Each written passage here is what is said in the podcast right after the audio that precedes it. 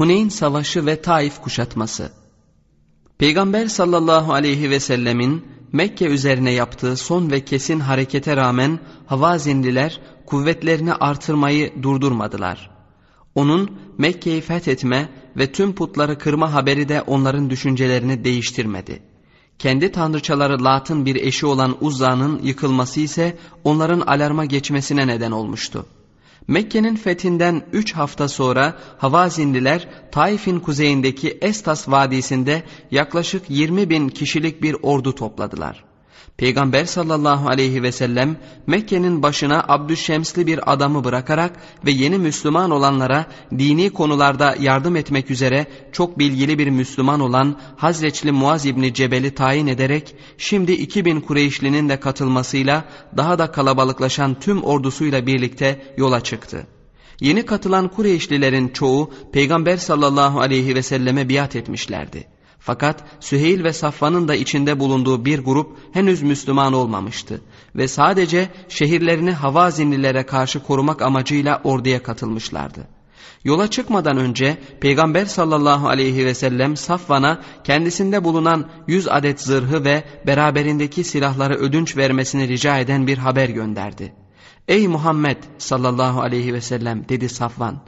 Bu kendin ver yoksa zorla alırım anlamında bir istek mi? Peygamber sallallahu aleyhi ve sellem ödenecek bir borç deyince Safvan zırh ve silahları duracakları yere kadar taşıyacak olan yük develerini de vermeye karar verdi. Onlara karşı hazırlanan Havazin kabileleri Sakif, Nasr, Cüşem ve Sad İbni Bekr idi. Bu topluluğa genç olmasına rağmen gücü ve yöneticiliği ile ün salan 30 yaşlarında bir Nasrlı olan Malik kumanda ediyordu. Yaşlıların aksini tavsiye etmelerine rağmen Malik kadınları, çocukları ve hayvanları da beraber getirmelerini emretti. Çünkü ona göre eğer bunlar ordunun arkasında olursa askerler daha gayretle çarpışırlardı. Mekke'den yola çıkan ordu hakkında bilgi toplamak üzere üç gözcü gönderdi. Fakat üçü de kısa bir süre sonra korkudan tüm eklemleri kontrolünden çıkmış ve konuşamayacak derecede dehşet içinde döndüler. İçlerinden biri ala atlar üzerinde beyaz adamlar gördük ve bir anda bu gördüğünüz hale geldik dedi. Bir diğeri karşımızdakiler dünya insanları değil semadan gelen insanlar. Tavsiyemize uyun ve geri çekilin. Çünkü adamlarınız bizim gördüklerimizi görünce bizim gibi olurlar dedi.'' Malik utanın dedi. Siz buradaki en korkak kişilersiniz. Bu üç kişinin görünüşleri o kadar kötü ve zavallıydı ki tüm orduda panik yaratmamaları için onları gözden uzak bir yere yerleştirme emri verdi. Daha sonra etrafındakilere bana cesur bir adam gösterin dedi.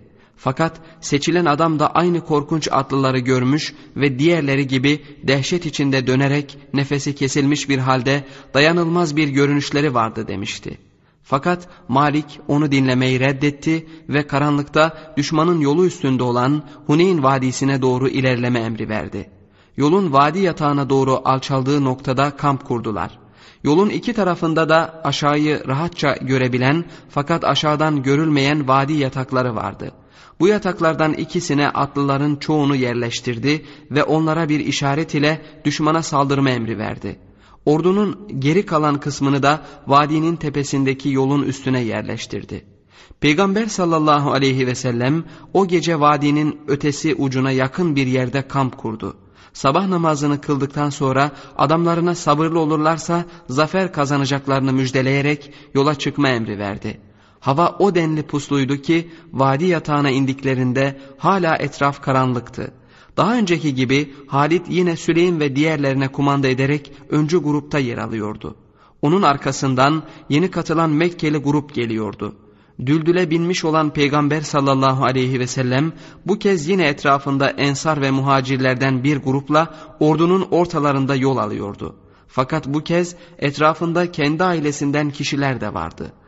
Ona Mekke'ye giderken katılan kuzenleri Ebu Süfyan ve Abdullah, Abbas'ın iki büyük oğlu Fazıl ve Kisan ve Ebu Leheb'in iki oğlu onu çevreleyen kişiler arasındaydı. Ordunun en arkalarında ise henüz Müslüman olmamış Mekkeliler yer alıyordu. Yarı karanlıkta karşı tarafta Havazin ordusu göründüğünde öncü birlik henüz inişi tamamlamıştı. Öncü birlik dehşetli bir manzarayla karşı karşıyaydı.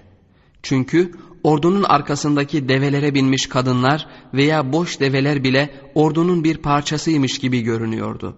Yolun o yönü tamamen kapatılmıştı. Fakat yeni bir emir ve plana fırsat vermeden Malik işaretini verdi. Havazinli süvariler hemen vadi yataklarından fırladılar ve Halid'in adamlarına saldırdılar. Atak o kadar anice ve vahşiceydi ki Halid geri dönüp kaçmaya başlayan Beni Süleym'i toparlayamadı. Beni Süleym Mekkeli grubun arkasına kaçınca önde kalan Mekkeliler de henüz indikleri yokuştan gerisin geriye kaçtılar. Hızla saldıran at ve deve üstündeki havazinliler bütün geçitleri tıkadılar. Fakat Peygamber sallallahu aleyhi ve sellem yolun biraz sağına çekilebilecek noktadaydı. Kenara çekildi ve yanından hiç ayrılmayan bir grupla emniyetli bir yere sığındı. Yanındakiler Ebu Bekir, Ömer ve diğer muhacirler bir grup ensar ve yanında yer alan ailesinin tümüydü. Haris'in oğlu Ebu Sufyan peygamber sallallahu aleyhi ve sellemin yanı başındaydı ve düldülün ipini elinde tutuyordu. Peygamber sallallahu aleyhi ve sellem diğerlerini de kendisine katılmaları için çağırdı. Fakat sesi savaşın gürültüsü içinde kayboldu. Bu nedenle çok gür bir sese sahip olan Abbas'a ''Ey ağaç ashabı, ey akasya ashabı'' diye bağırmasını söyledi. Bu çağrıya ''Lebbeyk, işte emrindeyim'' sesleri cevap verdi. Peygamber sallallahu aleyhi ve sellemin yanına ensar ve muhacirlerden yüz kadar kişi toplandı. Hepsi de geçide dağılarak birdenbire düşmanın saldırısını kontrol altına aldılar. Abbas radıyallahu an aynı şekilde bağırmaya devam etti ve kaçanların çoğu geri döndüler. Peygamber aleyhissalatu vesselam hem iyi görülebilmek hem de etrafı iyi görebilmek için üzengileri üstünde ayağa kalktı. Düşman yeni bir saldırıya hazırlanıyordu. Peygamber sallallahu aleyhi ve sellem Allah'ım senden vaadini yerine getirmeni istiyorum diye dua etti. Daha sonra süt kardeşinden birkaç çakıl taşı bulmasını istedi. Onları eline alıp Bedir'de yaptığı gibi düşmanın yüzüne doğru fırlattı ve görünürde hiçbir neden olmamasına rağmen savaşın akışı birden değişti. Gerçi müminler bunu görmüyorlardı ama kendilerinin de bir süre önce yaşadığı yenilgiyi şimdi düşman yaşıyordu. Daha sonra bu olayla ilgili şu ayetler nazil oldu. Andolsun Allah birçok yerlerde ve Huneyn gününde size yardım etti. Hani çok sayıda oluşunuz sizi böbürlendirip gururlandırmıştı. Fakat size bir şey de sağlayamamıştı. Yer ise bütün genişliğine rağmen size dar gelmişti. Sonra arkanıza dönüp gerisin geriye gitmiştiniz. Bundan sonra Allah Resulü ile müminlerin üzerine güven duygusu ve huzur indirdi.'' Sizin görmediğiniz orduları da indirdi ve küfre sapmış olanları azaplandırdı. Bu küfre sapanların cezasıdır. Sonra bunun ardından Allah dilediği kimseden tevbesini kabul eder. Allah bağışlayandır, esirgiyendir. Düşman büyük bir bozguna uğramıştı. Malik önceleri cesurca dövüştü fakat daha sonra Sakiflilerle birlikte surlarla çevrili olan Taif'e çekildi. Havazin ordusunun büyük bir kısmı Nahli'ye kadar izlendi ve birçok kayıp verdirildi. Havazinliler oradan kampları Evtas'a döndüler. Fakat Peygamber sallallahu aleyhi ve sellem arkalarından asker göndererek onları tepelere çekilmek zorunda bıraktı. Müslümanlardan özellikle ilk bozgunu yaşatan Beni Süleym'den çok kişi savaşın başlarında öldürülmüştü. Fakat bu ilk bozgundan sonra çok az kayıp verdiler. Bunlardan biri de Üsame'nin ağabeyi Eymen idi. Peygamber sallallahu aleyhi ve sellemin yanındayken vurulmuştu. Arka saflarda yer alan Havazin kadınları ve çocukları esir alındı. Develer, koyun ve keçilerin yanı sıra ganimette dört bin birim gümüş de vardı. Peygamber sallallahu aleyhi ve sellem ganimetlerin ve esirlerin tümünün Mekke'ye on mil uzaklıktaki Cirane Vadisi'ne götürülmesi görevini bu değile verdi. Havazin kabileleri arasında Peygamber sallallahu aleyhi ve sellemin çocukluğunu birlikte geçirdiği Beni Sa'd İbni Bekir'in bir kolu da vardı. Yaşlı esirlerden biri kendine esir alanlara vallahi ben reisinizin kız kardeşiyim diyerek uyardı. Fakat adamlar ona inanmadılar. Yine de Peygamber sallallahu aleyhi ve selleme götürdüler. Ey Muhammed sallallahu aleyhi ve sellem ben senin kız kardeşinim dedi. Peygamber sallallahu aleyhi ve sellem onu merakla süzdü. Karşısında yetmişine yaklaşmış yaşlı bir kadın duruyordu. Peygamber sallallahu aleyhi ve sellem bunu gösterir bir işaretin var mı diye sordu. O da bir ısırma izi gösterdi ve ben Serer Vadisi'nde seni taşırken sen ısırdın. Biz çobanlarla birlikteydik. Senin annen benim annemdi. Senin baban benim babamdı dedi. Peygamber aleyhissalatü vesselam onun gerçekten doğru söylediğini anladı. Bu kadın onun süt kardeşlerinden biri olan Şeyma idi. Minderini yayarak oturmasını söyledi. Süt anne ve süt babası Halime ile Haris'i sorup onların yıllar önce öldüğünü öğrenince gözleri yaşla doldu. Biraz konuştuktan sonra ona kendisiyle kalma veya Beni Sa'da geri dönme konusunda serbest olduğunu söyledi. Şeyma Müslüman olmayı istediğini fakat kabilesine geri dönmeyi seçtiğini söyledi. Peygamber sallallahu aleyhi ve sellem ona değerli bir hediye verdi ve dönüşte daha da değerlilerini vermek istediği için ondan kendisi dönene kadar kampta kalmasını istedi. Daha sonra ordusuyla birlikte Taif'e doğru yola çıktı. Sakif kabilesi şehirlerinde kendilerini bir yıl kadar idare edecek erzağa sahiptiler. Peygamber sallallahu aleyhi ve sellemin son durumda kullanılmasını emrettiği savaş makinalarına karşı da özel savunma mekanizmaları vardı. Aynı zamanda okçulukta uzmandılar. Şehrin duvarları çok hızlı ok yağmurlarına sahne oldu. Fakat Müslümanlar şehri kuşatmalarının 15. gününde hala ilk günkü durumdaydılar. Kazanılan tek şey bazı kimselerin Müslüman olmasıydı. Peygamber sallallahu aleyhi ve sellem bir gün bir tellalla Sakifli kölelerden Müslüman olanların özgür olacaklarını ilan ettirmişti. Yirmi kadar köle şehirden çıkmanın bir yolunu bulup Müslüman oldular. Yaklaşık bir hafta daha geçti. O sırada Peygamber sallallahu aleyhi ve sellem rüyasında kendisine bir kase tereyağı verildiğini fakat bir horozun gelip yağı gagalayarak döktüğünü görmüştü. Bunun üzerine Ebu Bekir radıyallahu anh İstediğin şeyi bugün onlardan elde edeceğini zannetmem dedi. Peygamber aleyhissalatü vesselam da onu doğruladı. Belki de şehri kuşatmanın Sakiflileri yenmek için uygun bir yol olmadığı sonucuna varmıştı. Düşüncesi her neyse Peygamber sallallahu aleyhi ve sellem kuşatmanın kaldırılıp Cirane'ye doğru yola çıkılması emrini verdi. Şehirden ayrıldıklarında adamlarından bazıları ona şehir halkına lanet etmesini söylediler. Peygamber sallallahu aleyhi ve sellem hiç cevap vermeksizin ellerini açtı ve Allah'ım Sakiflilere hidayet ver ve bize ulaştır diye dua etti. Taif kaleleri önünde öldürülenlerden biri de Ümmü Seleme'nin üvey kardeşi Peygamber sallallahu aleyhi ve sellemin kuzeni ve henüz kısa bir süre önce Müslüman olan Abdullah radıyallahu anh idi.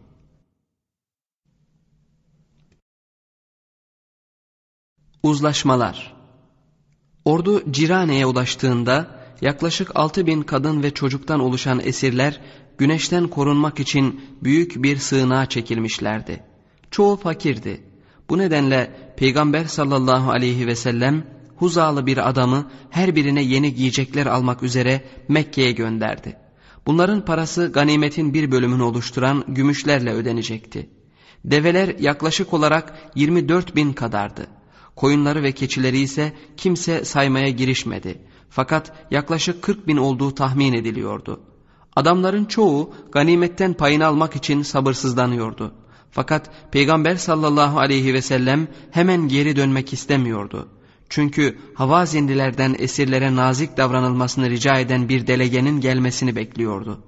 Bununla birlikte ganimet dağılımının gecikmesini istemediği bir bölümü vardı. Ganimetlerden kendisine düşen beşte bir de aynen zekatlar gibi işlem görüyordu. Kısa bir süre önce nazil olan ayetler bu tür fonlardan yararlanacak olan ayrı bir kategoriye yani kalpleri ısındırılacaklar adında bir gruba işaret ediyordu. Sadakalar Allah'tan bir farz olarak yalnızca fakirler, düşkünler, zekat işinde görevi olanlar, kalpleri ısındırılacaklar, köleler, borçlular, Allah yolunda olanlar ve yolda kalmışlar içindir. Allah bilendir, hüküm ve hikmet sahibidir. Kalpleri ısındırılacaklar deyince akla hemen yeni dinin Mekke'de kurulmasıyla dünyaları yani Arap putperestliği sarsıntıya uğrayınca şartların zorlaması nedeniyle Müslüman olan Mekkeliler geliyordu. Peygamber sallallahu aleyhi ve sellem Ebu Sufyan'a yüz deve verdi. Oğlu Muaviye ve Yezid'e yüzer deve verilmesi anlamına geliyordu. Bu nokta diğerlerinin gözünden kaçmadı. Hatice'nin yeğeni Hakime yüz deve verildiğinde iki yüz deve daha istedi. Peygamber de istediklerini hemen ona tahsis etti. Ebu Sufyan'ınki gibi durumlarda en ufak bir isteksizlik veya kararsızlık hediyenin asıl amacını zedeleyebilirdi. Fakat Peygamber sallallahu aleyhi ve sellem yine de Hakime şöyle dedi. Bu servet temiz ve yeşil bir otlaktır. Kim onu cömertçe alırsa orada mübarek olacaktır. Kim de onu gururla alırsa mübarek olmayacak ve yiyen fakat doymayan kişi gibi olacaktır. Veren el alan elden hayırlıdır. Vermeye ilk önce aileden bakmaya yükümlü olduklarınla başla. Bunun üzerine hakim gelecekte kendi elinin hiçbir zaman alan el olmayacağına kararlı bir şekilde seni hak üzere gönderene yemin olsun ki senden sonra hiç kimseden hiçbir şey almayacağım dedi. Daha önceki isteğinden vazgeçip sadece yüz deve aldı. Sadakaların dağılacağı aynı kategorideki gruptan bazıları da sınırda olanlar yani İslam'ı seçip seçmemekte kararsız olanlardı. Bunlardan bazılarına da yüz deve verildi. Bunlardan en önemlileri Süheyl ve Safvan idi.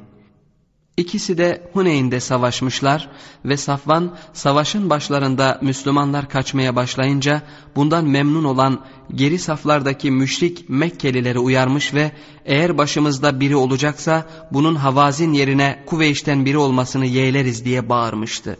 Yüz deveyi aldıktan sonra Safvan Cirane Vadisi boyunca ilerlerken Peygamber sallallahu aleyhi ve selleme arkadaşlık etti ve ganimetlere baktı. Cirane'de ana vadinin yanı sıra birçok yan vadiler de vardı. Bunlardan biri özellikle ot bakımından çok verimliydi. Bu nedenle deve, koyun ve keçi sürüleri orayı doldurmuştu. Safvan'ın bu görüntüden çok etkilendiğini gören Peygamber sallallahu aleyhi ve sellem bu vadi çok mu hoşuna gitti diye sordu. Safvan'ın yavaşça tasdiklediğini görünce hepsi senin içindekilerle birlikte diye ekledi. Şehadet ederim ki dedi Safvan eğer bu peygamberin nefsi olmasa hiçbir nefis bu denli iyiliğe sahip olamaz. Allah'tan başka ilah olmadığına ve senin onun Resulü olduğuna şehadet ederim. Süheyl'e gelince onun da şüpheleri Cirane'de sona ermişti. Bu ya onun oğlu Abdullah ile tekrar bir araya gelmesi ve Huneyn'deki mucizevi zafere şahitlik etmesi veya Peygamber sallallahu aleyhi ve sellemin etkileyici kişiliğiyle bir arada bulunması ya da tüm bu faktörlerin bir arada işlemesiyle meydana gelmiştir. Fakat o İslam'a vakur bir ifadeyle girdi. Üç yıl sonra oğlu Abdullah savaşta öldürülünce Ebu Bekir radıyallahu an acılı babayı teselli edici sözler söyledi. Fakat Süheyl şu cevabı verdi. Bana Allah'ın Resulü'nün bir şehit kavminden yetmiş kişi için şefaat diler dediğini söylediler. Ben de oğlumun benden önce kimseye şefaat etmeyeceğini umuyorum. Cirane'de Müslüman olanlardan bazıları da Mahzum'un ileri gelen liderlerinden birkaçıydı. Ebu Cehil'in iki kardeşi, Halid'in üvey kardeşi, şimdi hayatta olmayan genç Velid'in ise öz kardeşi olan Hişam, Peygamber sallallahu aleyhi ve sellemin halası Atike'nin Taif'te şehit olan oğlundan sonra Zübeyir adındaki ikinci oğlu. On yıl kadar önce Ebu Cehil'e karşı mecliste Beni Haşim ve Beni Muttalib'e uygulanan boykotun kaldırılmasını savunan ilk Kureyşli Zühri idi. Annesi Atike radıyallahu anha ise oğullarından daha önce Müslüman olmuştu. Müslüman ordusu vadide günlerce bekledi. Fakat Havazinlilerden hiçbir delege gelmedi. Bunun üzerine Peygamber sallallahu aleyhi ve sellem ganimetleri paylaştırdı. Paylaştırma işlemi bittikten kısa bir süre sonra içlerinde süt babası Haris'in kardeşinin de bulunduğu bir delege geldi. Gelenlerin 14 tanesi zaten Müslümandı. Geriye kalanlar da Müslüman oldular ve Havazin kabilesinin Peygamber sallallahu aleyhi ve sellemin akrabası sayılması gerektiğini söyleyerek ondan cömert davranmasını istediler. Seni kucağımızda büyüttük, göğsümüzde emzirdik dediler. Peygamber sallallahu aleyhi ve sellem onlara bir delegenin geleceğinden ümit kesene kadar beklediğini ve ganimetlerin dağıtılmış olduğunu söyledi. Daha sonra cevabın ne olacağını bilmesine rağmen onlara kadınları ve çocuklarının mı yoksa mallarının mı daha değerli olduğunu sordu. Onlar bize kadınlarımızı ve çocuklarımızı geri ver dediklerinde ise benim ve Abdülmuttalib oğullarının payına düşenler sizindir. Diğerlerine de sizin adınıza rica edeceğim. Ben öğle namazını kıldırdıktan sonra Allah'ın Resulü'nün bizim adımıza Müslümanlardan şefaat dilemesini, Müslümanlardan da bizim adımıza Resulullah'tan şefaat dilemesini istiyoruz deyin dedi. Onun söylediği gibi yaptılar. Peygamber sallallahu aleyhi ve sellem de cemaate dönüp kadınlarının ve çocuklarının kendilerine verilmesini istediklerini söyledi. Ensar ve muhacirler hemen kendi paylarına düşen esirleri Peygamber sallallahu aleyhi ve selleme verdiler. Fakat kabilelerden bir kısmı onlar gibi yaptı, bir kısmı da bunu kabul etmedi. Kabul etmeyen kabileler gelecekte ödemek üzere esirleri bırakmaya ikna edildiler. Böylece bütün esirler ailelerine döndüler. Sadece Peygamber sallallahu aleyhi ve sellemin dayısının oğlu olan Zühreli Sa'd'ın payına düşen genç bir kadın Sa'd'la kalmak istediğini söyledi ve geri dönmedi. Peygamber sallallahu aleyhi ve sellem süt kardeşine bir miktar deve, koyun ve keçi daha verdikten sonra ona veda etti. Delege ayrılmak üzereyken onlara başkanları Malik'i sordu. Onlar Malik'in Taif'teki Sakiflilere katıldığını söylediler. Ona haber verin dedi. Peygamber sallallahu aleyhi ve sellem. Bana Müslüman olarak gelirse ailesini ve mallarını ona iade edeceğim. Ona bir de yüz deve vereceğim. Malik'in ailesini bu amaçla Mekke'de halası Atike'nin yanına yerleştirdi ve mallarını paylaştırdı. Bu mesai Malik'e ulaştığında o Sakiflilerin kendisini hapsetmelerinden korktuğu için bundan onlara bahsetmedi. Geceleyin şehri terk ederek Müslüman kampına gitti ve Müslüman oldu. Peygamber sallallahu aleyhi ve sellem onu gittikçe artan Havazinli Müslümanların başına kumandan tayin etti ve Taif'e rahat vermemelerini istedi. Böylece Taif kuşatması sadece sınırlı bir süre için kaldırılmış oluyordu. Daha az kesin fakat daha etkili başka tür bir kuşatma ilkinin yerini alıyordu. Peygamber sallallahu aleyhi ve sellem biliyordu ki dinin bizzat kendisinin insan ruhu üzerinde bir etkisi olmasına rağmen bu etki sadece dinin sözde değil teslimiyetle kabul edilme derecesine bağlıdır. Kalpleri ısındırılacaklara mali yardımda bulunma prensibi işte bu teslimiyete engel teşkil eden sıkıntı ve acıyı ortadan kaldırmak için konulmuştu. Fakat bu prensibin amacı bırakın diğerlerini ilk Müslüman olanlar tarafından bile kavranamadı.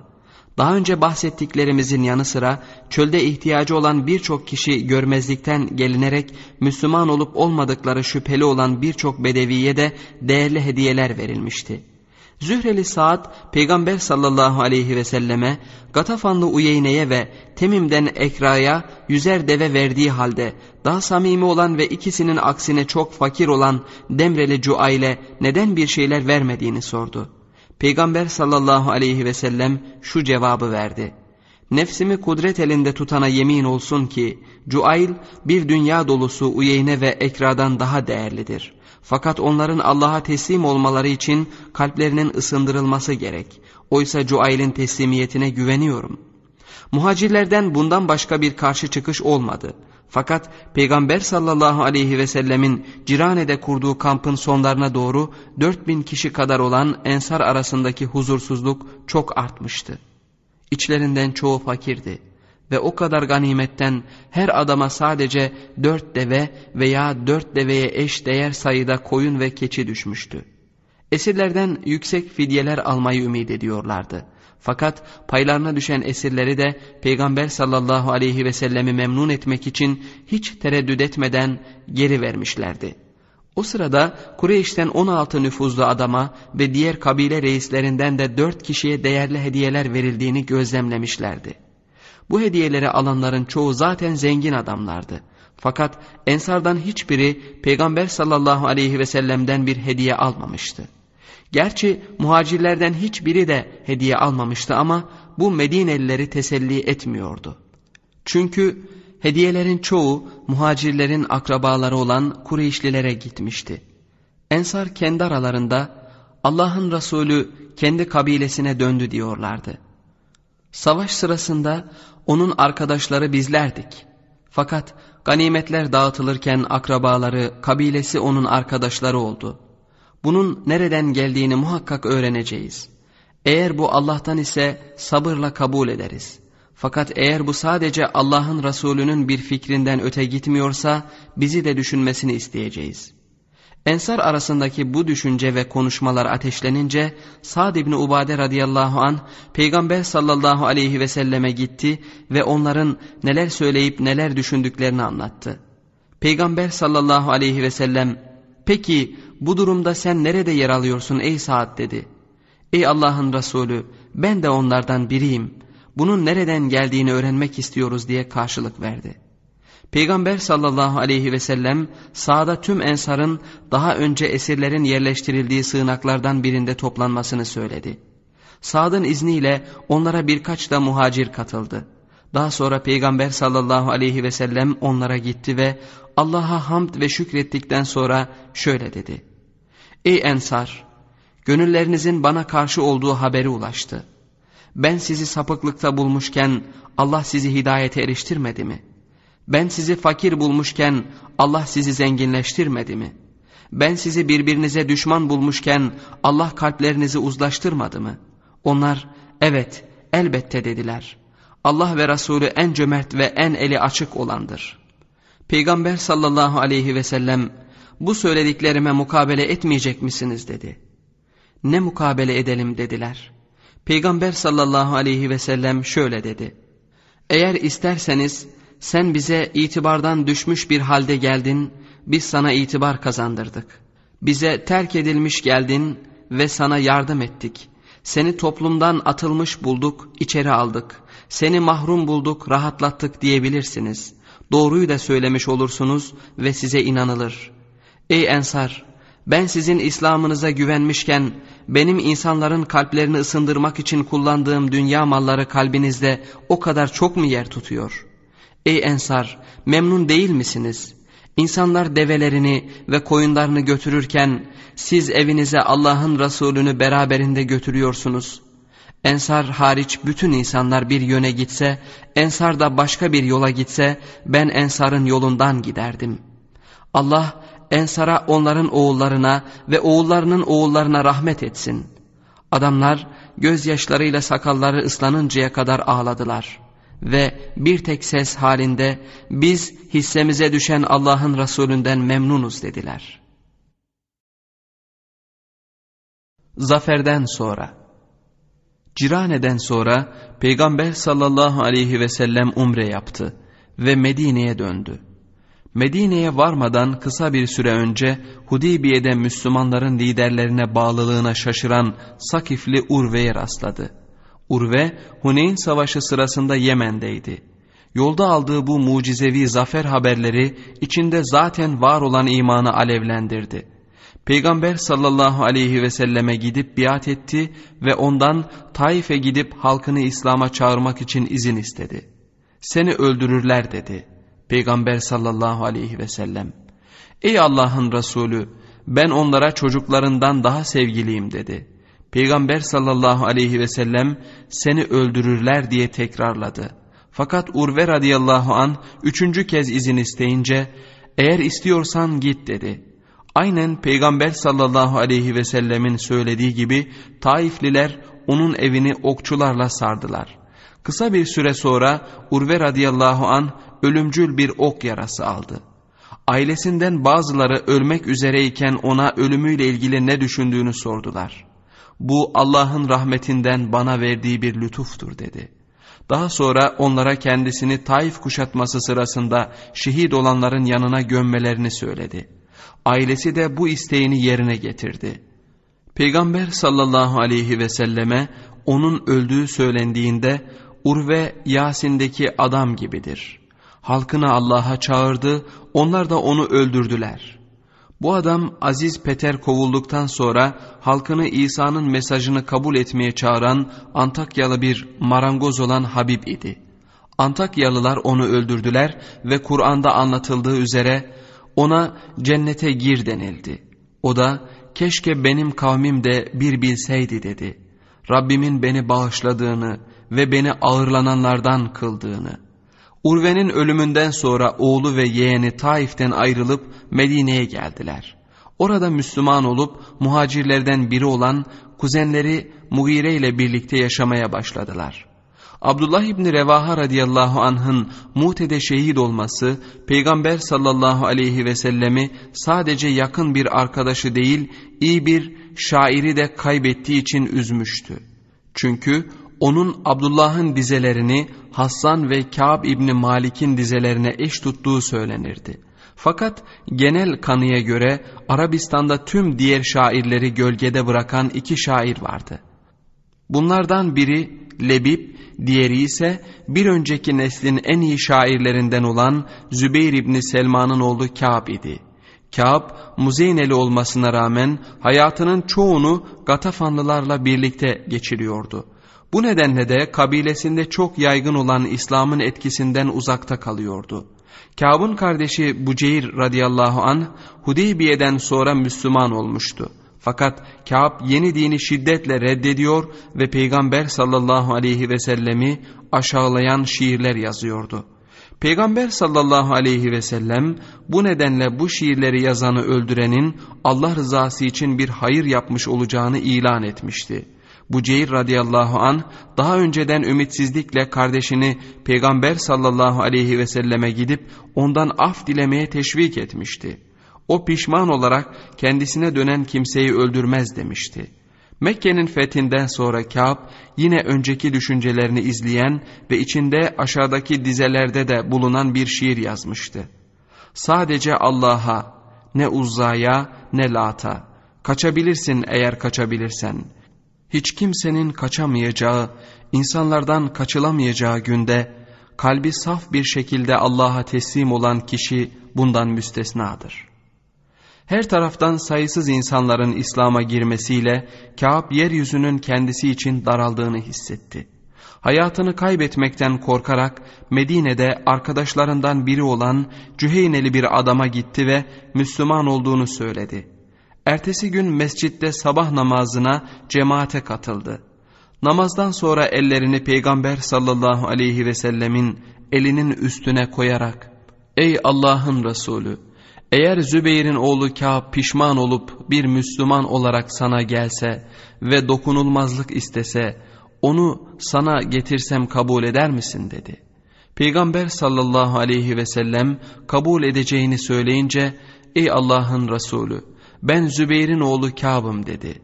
Ensardan biri ayağa kalktı ve onun başını kesmek için izin istedi. Fakat Peygamber sallallahu aleyhi ve sellem onu bırak, o pişman olarak geldi ve artık eskisi gibi değil dedi. Daha sonra Kâb bu olay için yazdığı dizeleri okudu. Şiir geleneksel bedevi stilindeydi. Diksiyonu harika ve melodiliydi. Çoğunlukla berrak tabiat tasvirleri yer alıyordu. Fakat asıl teması af dilemeydi. Şiir başlangıcında Peygamber sallallahu aleyhi ve sellemi ve muhacirleri öven bir pasaj ile son buluyordu. Resul bir ışıktır, bir ışık kaynağı, bir Hindistan kılıcı. Allah'ın çekilmiş kılıçlarından biridir. Mekke vadisinde İslam'ı seçtiklerinde insanlar gidin dediler. Gittiler ama zayıf ve kaçaklar olarak değil.''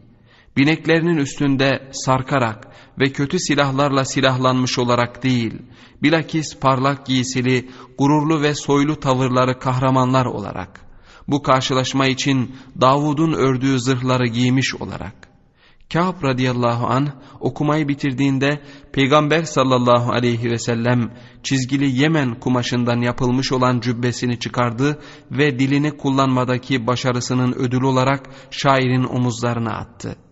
Fakat daha sonra arkadaşlarından birine keşke Ensardan da bahsetseydi çünkü onlar bunu hak ettiler dedi. Kâb bunu duyunca Ensar'ı öven, onların savaştaki cesaretini, himayelerinin emin olduğunu, ev sahibi olarak ne kadar cömert olduklarını, her zaman yiğit olduklarını anlatan bir şiir yazdı. Mariye radıyallahu anhanın çocuğunun doğmasına az bir zaman kalmıştı. Çocukların hepsinin doğumunda da Hatice'ye yardım eden Selma artık yaşlı bir kadındı. Fatıma radıyallahu anhanın dünyaya gelmesinden beri 25 yıl geçmişti. Fakat Selma yine de Peygamber sallallahu aleyhi ve sellemin yeni çocuğunun doğumu sırasında orada olmak istedi. Doğumun yaklaştığı anlaşılınca Mariye'nin oturduğu yukarı Medine'deki eve gitti.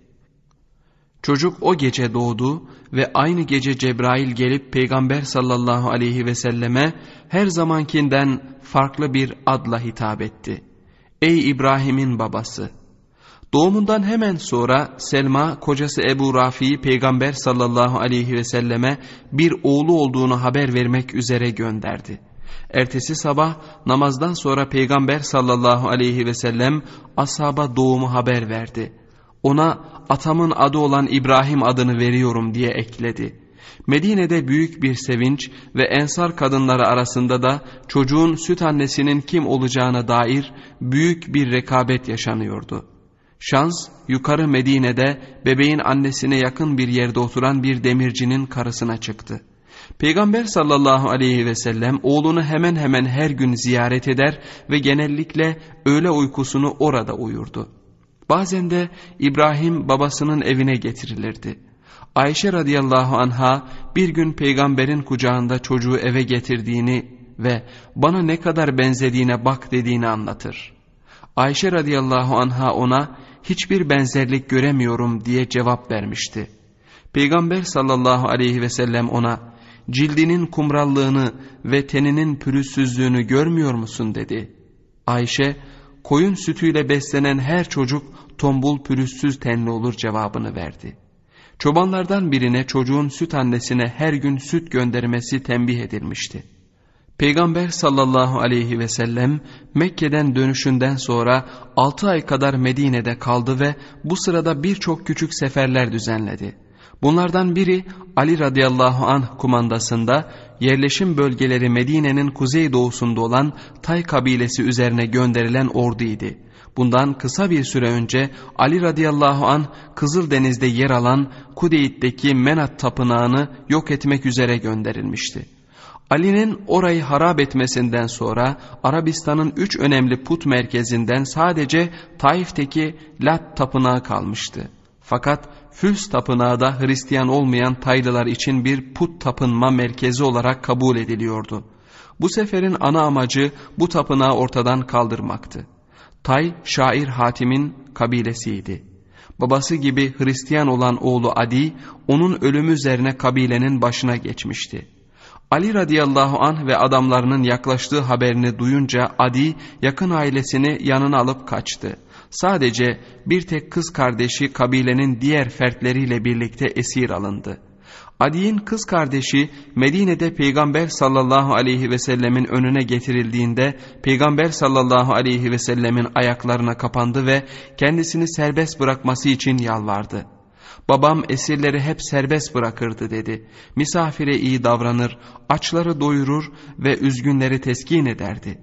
İyilik bekleyen hiç kimseden yüz çevirmemişti. Ben Hatim'in kızıyım.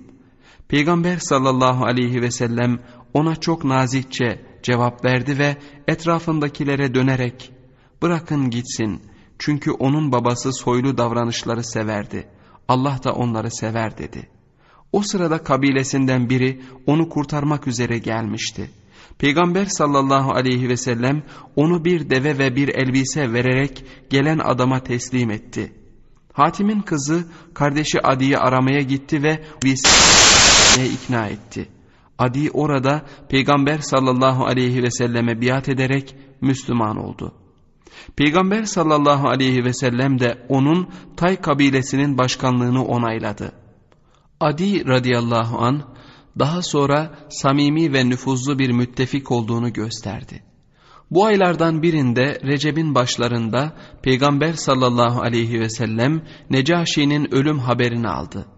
Haberi aldıktan sonra mescitte kılınan ilk namazın arkasından cemaate döndü ve bugün adaletli bir adam öldü.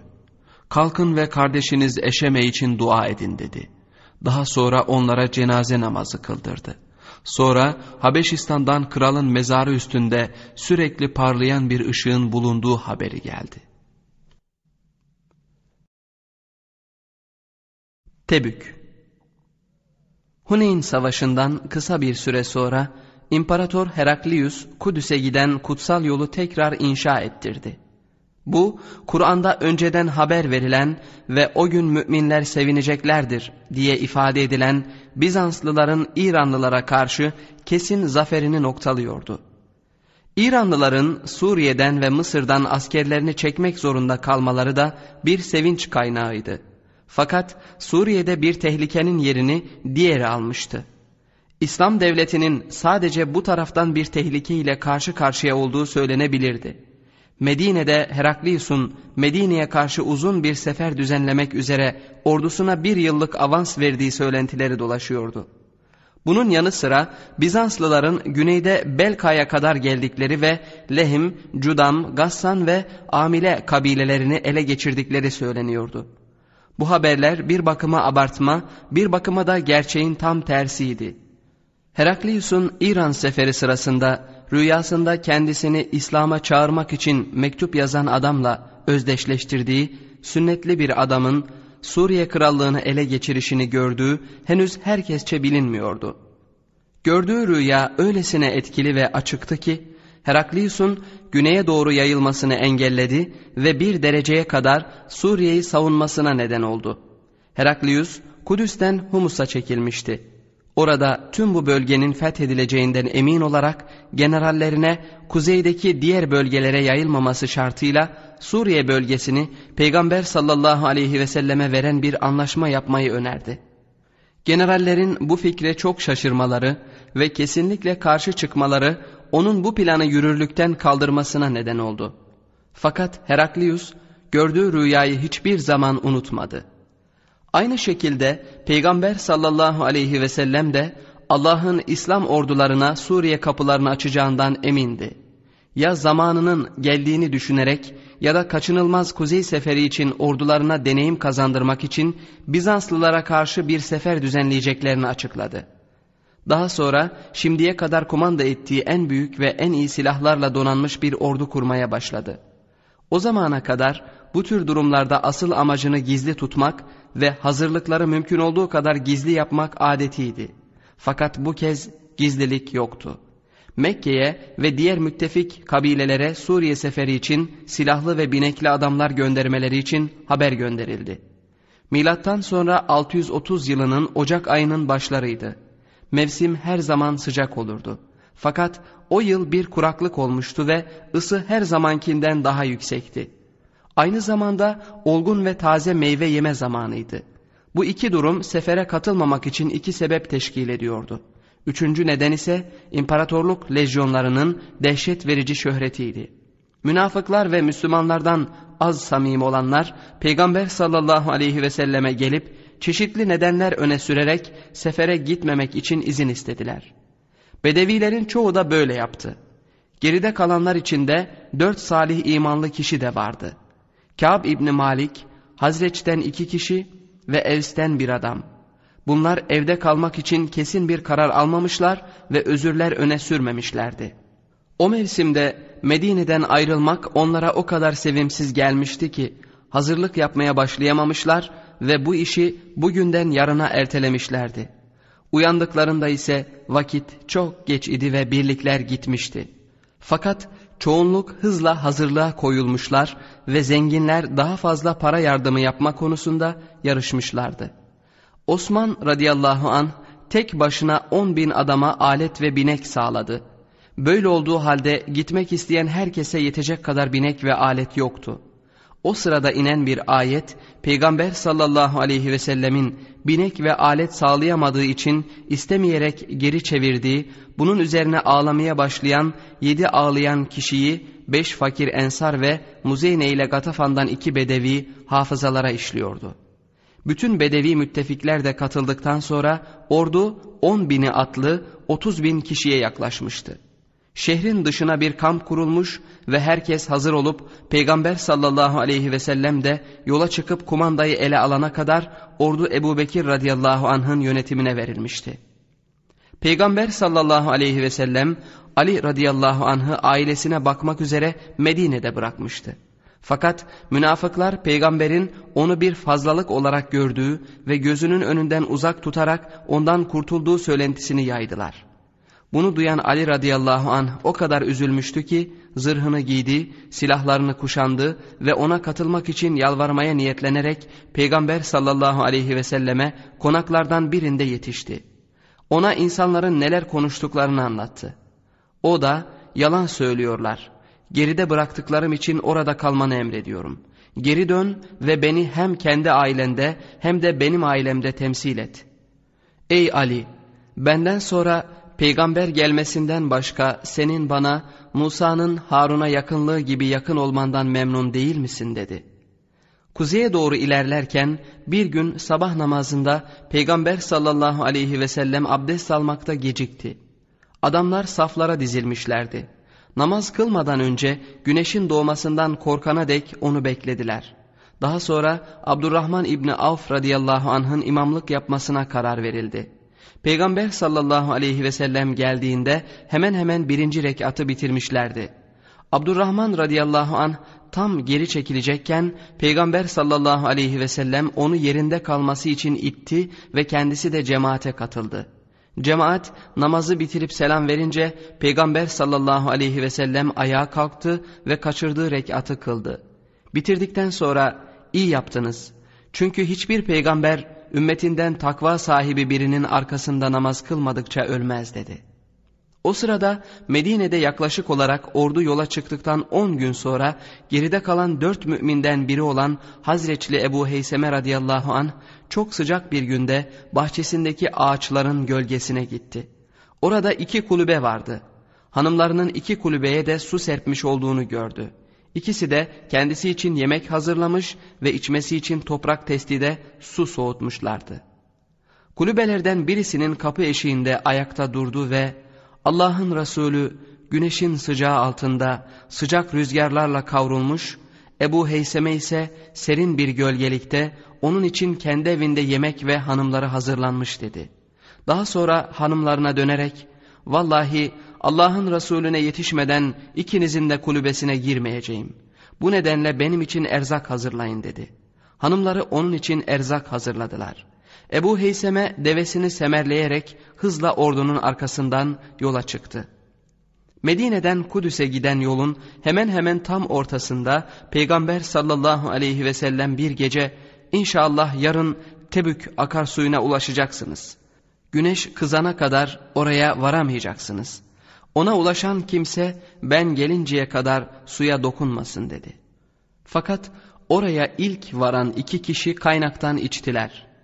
Ordunun büyük bir kısmı geldiğinde birkaç damla su kalmıştı.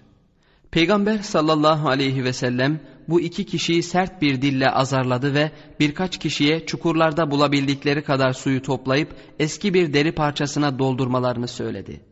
Yeteri kadar su toplandığında kabın içinde ellerini ve yüzünü yıkayıp kaynağın ağzını kapatan kayanın üstüne serpti ve ellerini onun üstünden geçirerek Allah'ın dilediği şekilde dua etti.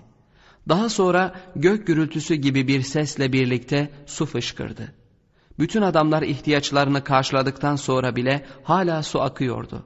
Peygamber sallallahu aleyhi ve sellem yanında duran Muaz'a döndü ve ''Ey Muaz, belki sen bu yerin bahçelerle dolu bir vadi olduğunu görene kadar yaşayacaksın.'' dedi. Gerçekten de söylediği gibi oldu. Peygamber sallallahu aleyhi ve sellem ordu ile yola çıkmayı kaçıran dört müminin hatası üzerine üzülmüş ve hayal kırıklığına uğramıştı. Tebük'e ulaştıktan birkaç gün sonra onlara yetişen Heyseme için de daha önceden üzülmüştü. Yalnız yolcunun yaklaştığı görüldüğünde henüz yüz hatları belirgin olmamasına rağmen Peygamber sallallahu aleyhi ve sellem dua eder gibi Ebu Heyseme olsa dedi. Adam onlara yaklaşıp selam verdiğinde de yazıklar olsun sana Ebu Heyseme dedi. Fakat neler olduğunu dinledikten sonra onu affetti. Ordu Tebük'te 20 gün kaldı. Bizans'tan gelen tehlike söylentilerinin gerçek olmadığı ortaya çıkmıştı. Diğer taraftan da Suriye'nin fethi için uygun bir zaman da değildi. Fakat o günlerde Peygamber sallallahu aleyhi ve sellem Akabe körfezinde ve doğudaki sahillerde yaşayan Hristiyan ve Yahudi kabileleriyle bir barış anlaşması yaptı. Yıllık haraç karşılığında onlara İslam devletinin himayesi vaat ediliyordu. Daha sonra Peygamber sallallahu aleyhi ve sellem Halid radıyallahu anh'ı 20'si atlı 400 kişiyle Tebük'ün kuzeydoğusundaki Dumat el Cendel'e göndererek ordunun geri kalan kısmıyla birlikte Medine'ye döndü. Bu önemli kale Suriye'ye giden yollardan birinin ve Medine'den Irak'a giden yolun üzerindeydi. Buranın Hristiyan yöneticisi Ukeydir, Halid radıyallahu anh tarafından yenilip esir edilince çok şaşırmıştı. Halid onu Medine'ye götürdü. Ukeydir radıyallahu anh Medine'de Peygamber sallallahu aleyhi ve selleme biat ederek Müslüman oldu. Tebük'ten sonra Bedir'den dönüş gibi Tebük'ten dönüş de üzüntülü olmuştu. Yokluğu sırasında Peygamber sallallahu aleyhi ve sellemin kızlarından biri daha Ümmü Gülsüm radıyallahu anha ölmüştü. Bu sefer kızının kocası da Medine'de değildi. Peygamber sallallahu aleyhi ve sellem onun mezarı başında dua etti ve Osman radıyallahu anha eğer bekar bir kızı daha olsaydı kendisine vereceğini söyledi. Sefere katılmayan münafıklar teker teker Peygamber sallallahu aleyhi ve selleme gittiler ve özürlerini beyan ettiler. Peygamber sallallahu aleyhi ve sellem onları Allah'ın gizli düşünceleri bildiğini söyleyerek uyarmasına rağmen özürlerini kabul etti. Fakat geride kalan üç mümine Allah onlar hakkında hüküm verinceye kadar kendisinden uzak durmalarını ve diğer müminlere de bu üç kişiyle konuşmamalarını söyledi. Bu üç kişi 50 gün boyunca toplum dışı bir hayat sürdüler. Fakat 50. gün sabah namazından sonra Peygamber sallallahu aleyhi ve sellem mescitte Allah'ın onlara affettiğini ilan etti. Bu konuda nazil olan ayetler şöyleydi. Savaştan geri bırakılan üç kişiyi de bağışladı. Öyle ki bütün genişliğine rağmen yeryüzü onlara dar gelmişti. Nefisleri de kendilerine dar, sıkıntılı gelmişti. Ve onun dışında yine Allah'tan başka bir sığınacak olmadığını iyice anladılar. Sonra tevbe etsinler diye onların tevbesini kabul etti. Şüphesiz Allah yalnızca O tevbeleri kabul edendir.''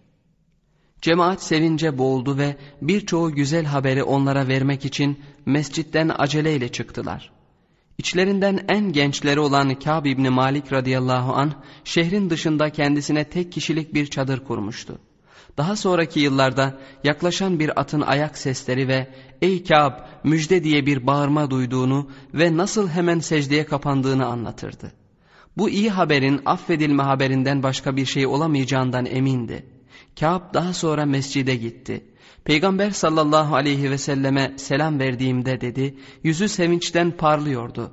Bana annenden doğduğundan beri geçirdiğin en güzel gün için sevin dedi. Ey Allah'ın Resulü bu senden mi yoksa Allah'tan mı diye sordum. Hayır Allah'tan diye cevap verdi. Allah'ın Resulü sevinçli bir haberden memnun olduğunda yüzü ay gibi parlardı. Havazinin lideri Malik radıyallahu an Müslüman olduğundan beri boş durmuyordu. Beni Sakif hala Taif'e girilmez diye kendileriyle övünebilirlerdi. Fakat şimdi tüm yönlerden uzak ve geniş Müslüman topluluklarıyla sarılmışlardı ve gönderdikleri her kervan yağmalanabilirdi. Hatta deve ve koyunları bile Malik'in adamları alır diye otlamaya dışarı çıkaramıyorlardı. Yanı sıra Malik'in adamları ellerine düşen Sakifliler putperestlikten vazgeçmedikçe serbest bırakmayacaklarını ve öldüreceklerini ilan etmişlerdi. Birkaç ay sonra Taifliler Peygamber sallallahu aleyhi ve selleme İslam'ı kabul edeceklerini bildiren buna karşılık halkın mallarının ve topraklarının güvenlikte olmasını isteyen bir anlaşma yapmak üzere bir delege göndermekten başka seçenekleri olmadığına karar verdiler. Tebük'ten Ramazan'ın başında dönülmüştü. Aynı ay içinde Taif'ten delegeler Medine'ye geldi. Delegeler konukseverce karşılandılar ve onlar için mescidin yanında bir çadır kuruldu. Eğer Müslüman olurlarsa yerleşim bölgelerinin İslam devletinin koruması altında olmasına karar verildi. Fakat Peygamber sallallahu aleyhi ve sellem onların bazı isteklerini kabul etmedi. Delegeler Lat'ın üç yıl kadar tahrip edilmeden durmasını istediler. Peygamber sallallahu aleyhi ve sellem bu isteği geri çevirince iki yıla sonra bir yıla indirdiler. En sonunda bir ay mühlet istediler. Peygamber sallallahu aleyhi ve sellem buna da hayır dedi. Daha sonra ona putlarını kendi elleriyle tahrip etmemeleri ve her gün beş vakit namaz kılmamaları için yalvardılar. Onlara namaz olmayan dinde hayır yoktur diyerek namaz kılmaları gerektiğini söyledi. Fakat putlarını kendi elleriyle tahrip etmemeleri konusundaki önerilerini kabul etti. Urve'nin yeğeni Mugire'ye delegeler ile birlikte gitmesini ve Mekke'den kendisine yardım etmek üzere Ebu Sufyan'ı alıp Lat'ı tahrip etmesini emretti. Müslüman olduktan sonra delegeler Ramazan'ın geri kalanını Medine'de oruç tutarak geçirdiler ve daha sonra Taif'e döndüler. Ebu Sufyan gruba Mekke'de katıldı fakat putu kıran tek elli Mugire'ydi. Mugire'nin kabilesi Urve ile aynı kaderi paylaşmasından korkarak onun için bazı koruma önlemleri almışlardı. Fakat kırılan put için feryat eden kadın seslerinden bir başka müdahale olmadı. Şehrin teslim olmasına en çok üzülen kişi ne şehrin vatandaşı ne de Lat'ın bağlılarındandı. Peygamber sallallahu aleyhi ve sellem Mekke üzerine yürüdüğünde Hanzala'nın babası Ebu Amir ve ciritçi Vahşi kendilerine yenilmez bir şehir olarak görünen Taif'e sığınmışlardı. Fakat şimdi nereye sığınabileceklerdi? Ebu Amir Suriye'ye kaçtı ve orada kendi kendine ettiği bedduayı yerine getirerek yalnız ve yuvasız bir sürgün olarak öldü. Sakifli bir adam Peygamber sallallahu aleyhi ve sellemin Müslüman olan hiç kimseyi öldürmediğini söylediğinde Vahşi hala nereye gidebileceğini düşünüyordu. Vahşi bunun üzerine Medine'ye gitti. Peygamber sallallahu aleyhi ve selleme gidip kelime-i şehadet getirdi. O böyle yaparken müminlerden biri onun Hamza radıyallahu anh'ı öldüren köle olduğunu anladı ve ''Ey Allah'ın Resulü bu vahşi'' dedi. Olsun dedi Peygamber sallallahu aleyhi ve sellem. Çünkü bir kişinin İslam'a girmesi benim için bin kafiri öldürmekten daha iyidir. Daha sonra gözleri önündeki siyah yüzde gezindi. Gerçekten sen vahşi misin diye sordu. Adam doğrulayınca otur ve Hamza'yı nasıl öldürdüğünü bana anlat dedi. Adam anlatmayı bitirdiğinde Peygamber sallallahu aleyhi ve sellem yazıklar olsun yüzünü benden uzak tut bırak da sana bir daha bakmayayım dedi. Ebu Amir'in kuzeni İbni Ubey'e gelince Tebuk'tan bir ay sonra hastalandı ve birkaç hafta sonra ölmek üzere olduğu anlaşıldı. Eski kaynaklar onun nasıl öldüğü, mümin olarak mı münafık olarak mı konusunda farklı görüşler öne sürmüşlerdir. Fakat Peygamber sallallahu aleyhi ve sellemin onun başında cenaze namazı kıldığı ve kabri başında dua ettiği konusunda hepsi aynı fikirdedirler. Bir kaynağa göre Ömer radıyallahu an Peygamber sallallahu aleyhi ve sellem namaz için yerini aldığında onun yanına gitmiş ve bir münafığa bu kadar lütufta bulunmaması için ona karşı çıkmıştı. Peygamber sallallahu aleyhi ve sellem ona gülümseyerek şu cevabı verdi. Ömer arkama geç bana bir seçenek verildi ben de seçtim. Bana sen ister onlar için bağışlanma dile ya da istersen onlar için bağışlama dileme.'' Onlar için yetmiş kere bağışlama dilesen de Allah onları kesinlikle bağışlamaz denildi. Eğer yetmiş defadan fazla bağışlanma dilediğimde Allah'ın onları bağışlayacağını bilsem dualarımın sayısını artırırdım. Daha sonra namazı kıldırdı, tabutun yanında mezarlığa kadar yürüdü ve mezarın başında durdu. Bundan kısa bir süre sonra münafıklar hakkında şu ayet nazil oldu. Onlardan ölen birinin namazını hiçbir zaman kılma.'' Mezarı başında durma. Çünkü onlar Allah'a ve Resulüne karşı küfre saptılar ve fasıklar olarak öldüler. Fakat başka kaynaklara göre bu ayet Tebük'ten döndükten hemen sonra nazil olan vahyin bir bölümüydü. Bu ayet İbni Ubey'e uygulanamazdı. Çünkü Peygamber sallallahu aleyhi ve sellem onu hastalığı sırasında ziyaret etmiş ve ölümün yakınlığının onu değiştirdiğini görmüştü. İbn Ubey Peygamber sallallahu aleyhi ve sellem'den öldüğünde kefenlenmek için bir elbisesini ve kabre kadar tabutunun yanında gitmesini istemiş. O da bunu kabul etmişti. Daha sonra da ey Allah'ın Resulü ümid ederim ki tabutumun yanında dua eder ve günahlarımın affı için Allah'tan bağışlanmamı dilersin demişti. Peygamber sallallahu aleyhi ve sellem yine kabul etmiş ve o öldükten sonra da sözünü yerine getirmişti. Tüm bu olaylar sırasında ölen adamın oğlu Abdullah da vardı. Peygamber aleyhissalatü vesselama elçiler gönderen tek kabile Sakif değildi. Heyetler yılı olarak anılan hicretin bu dokuzuncu yılında Medine'ye Arabistan'ın her tarafından daha birçok elçiler geldi. Bunlar arasında Yemen'in çeşitli bölgelerinden gelen elçiler ve putperestliği bırakıp Müslüman olduklarını duyuran dört him yerli prensin mektupları da vardı.'' Peygamber sallallahu aleyhi ve sellem onlara samimiyetle cevap verdi. Onlara İslam'ın emirlerini haber verdi. dinine bağlı olan bir Yahudi veya bir Hristiyanın dininden döndürülmeyeceğini fakat cizye ödeyip Allah'ın Resulü'nün himayesi altında olacağını belirterek Yahudi, Hristiyan ve Müslümanlardan vergi toplamak üzere göndereceği elçilere iyi davranmalarını emretti. Dinsel ayrılıklarla ilgili olarak nazil olan bir ayette şöyle deniliyordu. Sizden her biriniz için bir şeriat ve bir yol yöntem kıldık. Eğer Allah dileseydi sizi bir tek ümmet kılardı. Ancak bu size verdikleriyle sizi denemesi içindir. Artık hayırlarda yarışınız. Tümünüzün dönüşü Allah'adır. Hakkında anlaşmazlığa düştüğünüz şeyleri size haber verecektir. Gelen heyetlerin hepsinden sonuç alınamıyordu. Biri Maun'daki katliamdan sorumlu olan Amir İbni Tufeil şimdi Beni Amir'in başına gelmiş ve kabilesinin baskıları sonucunda Medine'ye gelmek zorunda kalmıştı. Fakat cahil bir adamdı.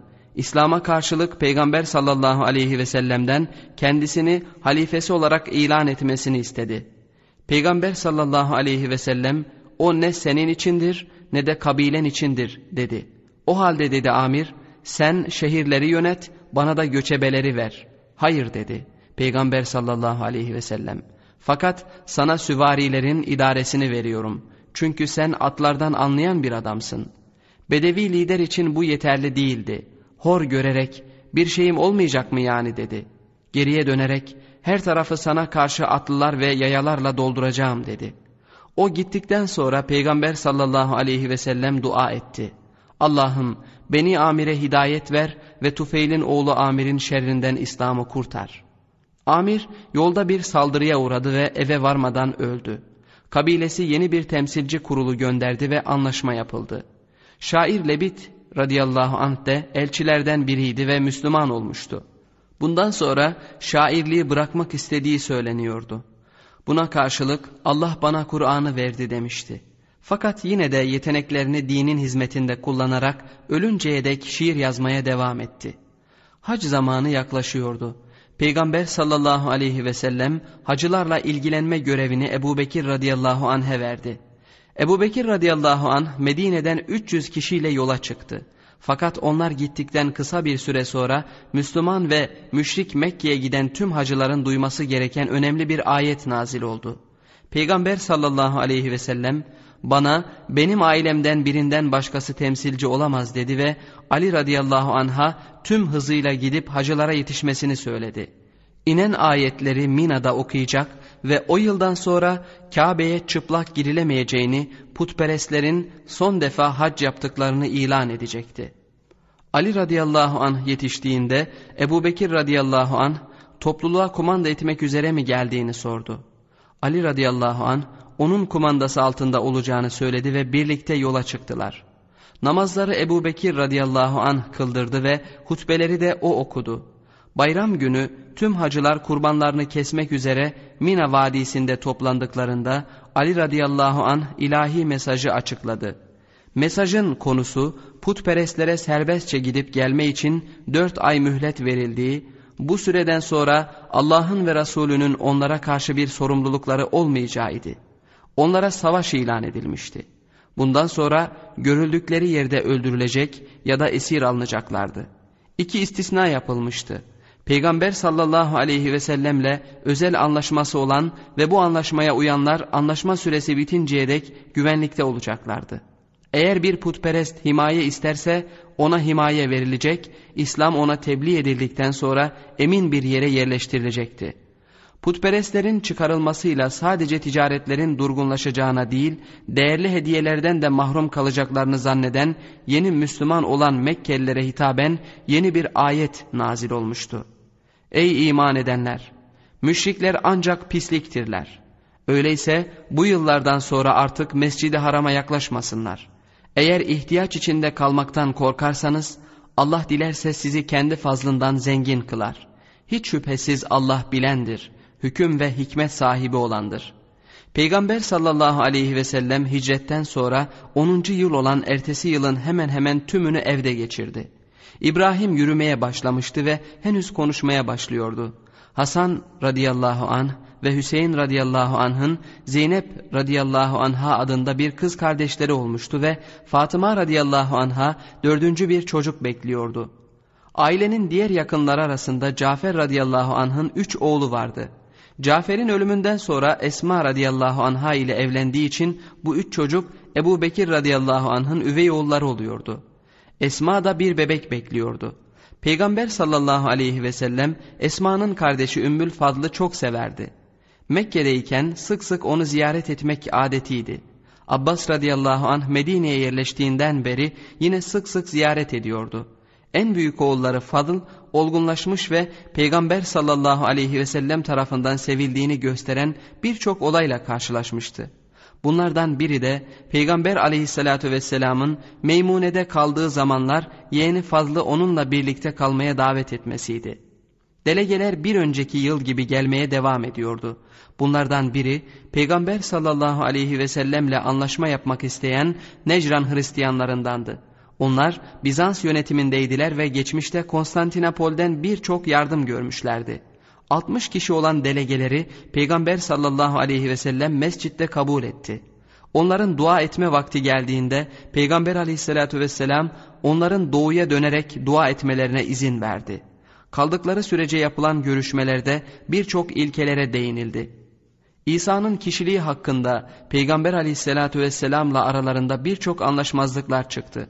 Bunun üzerine şu ayetler nazil oldu. Şüphesiz Allah katında İsa'nın durumu Adem'in durumu gibidir. Onu topraktan yarattı. Sonra da ol demesiyle o hemen ol verdi.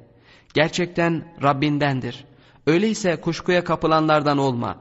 Artık sana gelen bunca ilimden sonra onun hakkında seninle çekişip tartışmalara girişirlerse de ki gelin oğullarımızı ve oğullarınızı, kadınlarımızı ve kadınlarınızı, kendimizi ve kendinizi çağıralım.'' Sonra karşılıklı lanetleşelim de Allah'ın lanetini yalan söylemekte olanların üstüne kılalım. Peygamber sallallahu aleyhi ve sellem bu ayetleri Hristiyanlara okudu ve onları kendisi ve ailesiyle buluşup ayette önerilen şekilde anlaşmazlığı çözmeye davet etti. Onlar düşüneceklerini söylediler. Ertesi gün Peygamber sallallahu aleyhi ve selleme geldiklerinde Ali radıyallahu anh'ın, Fatıma radıyallahu anh'ın ve iki oğullarının yanında olduğunu gördüler.''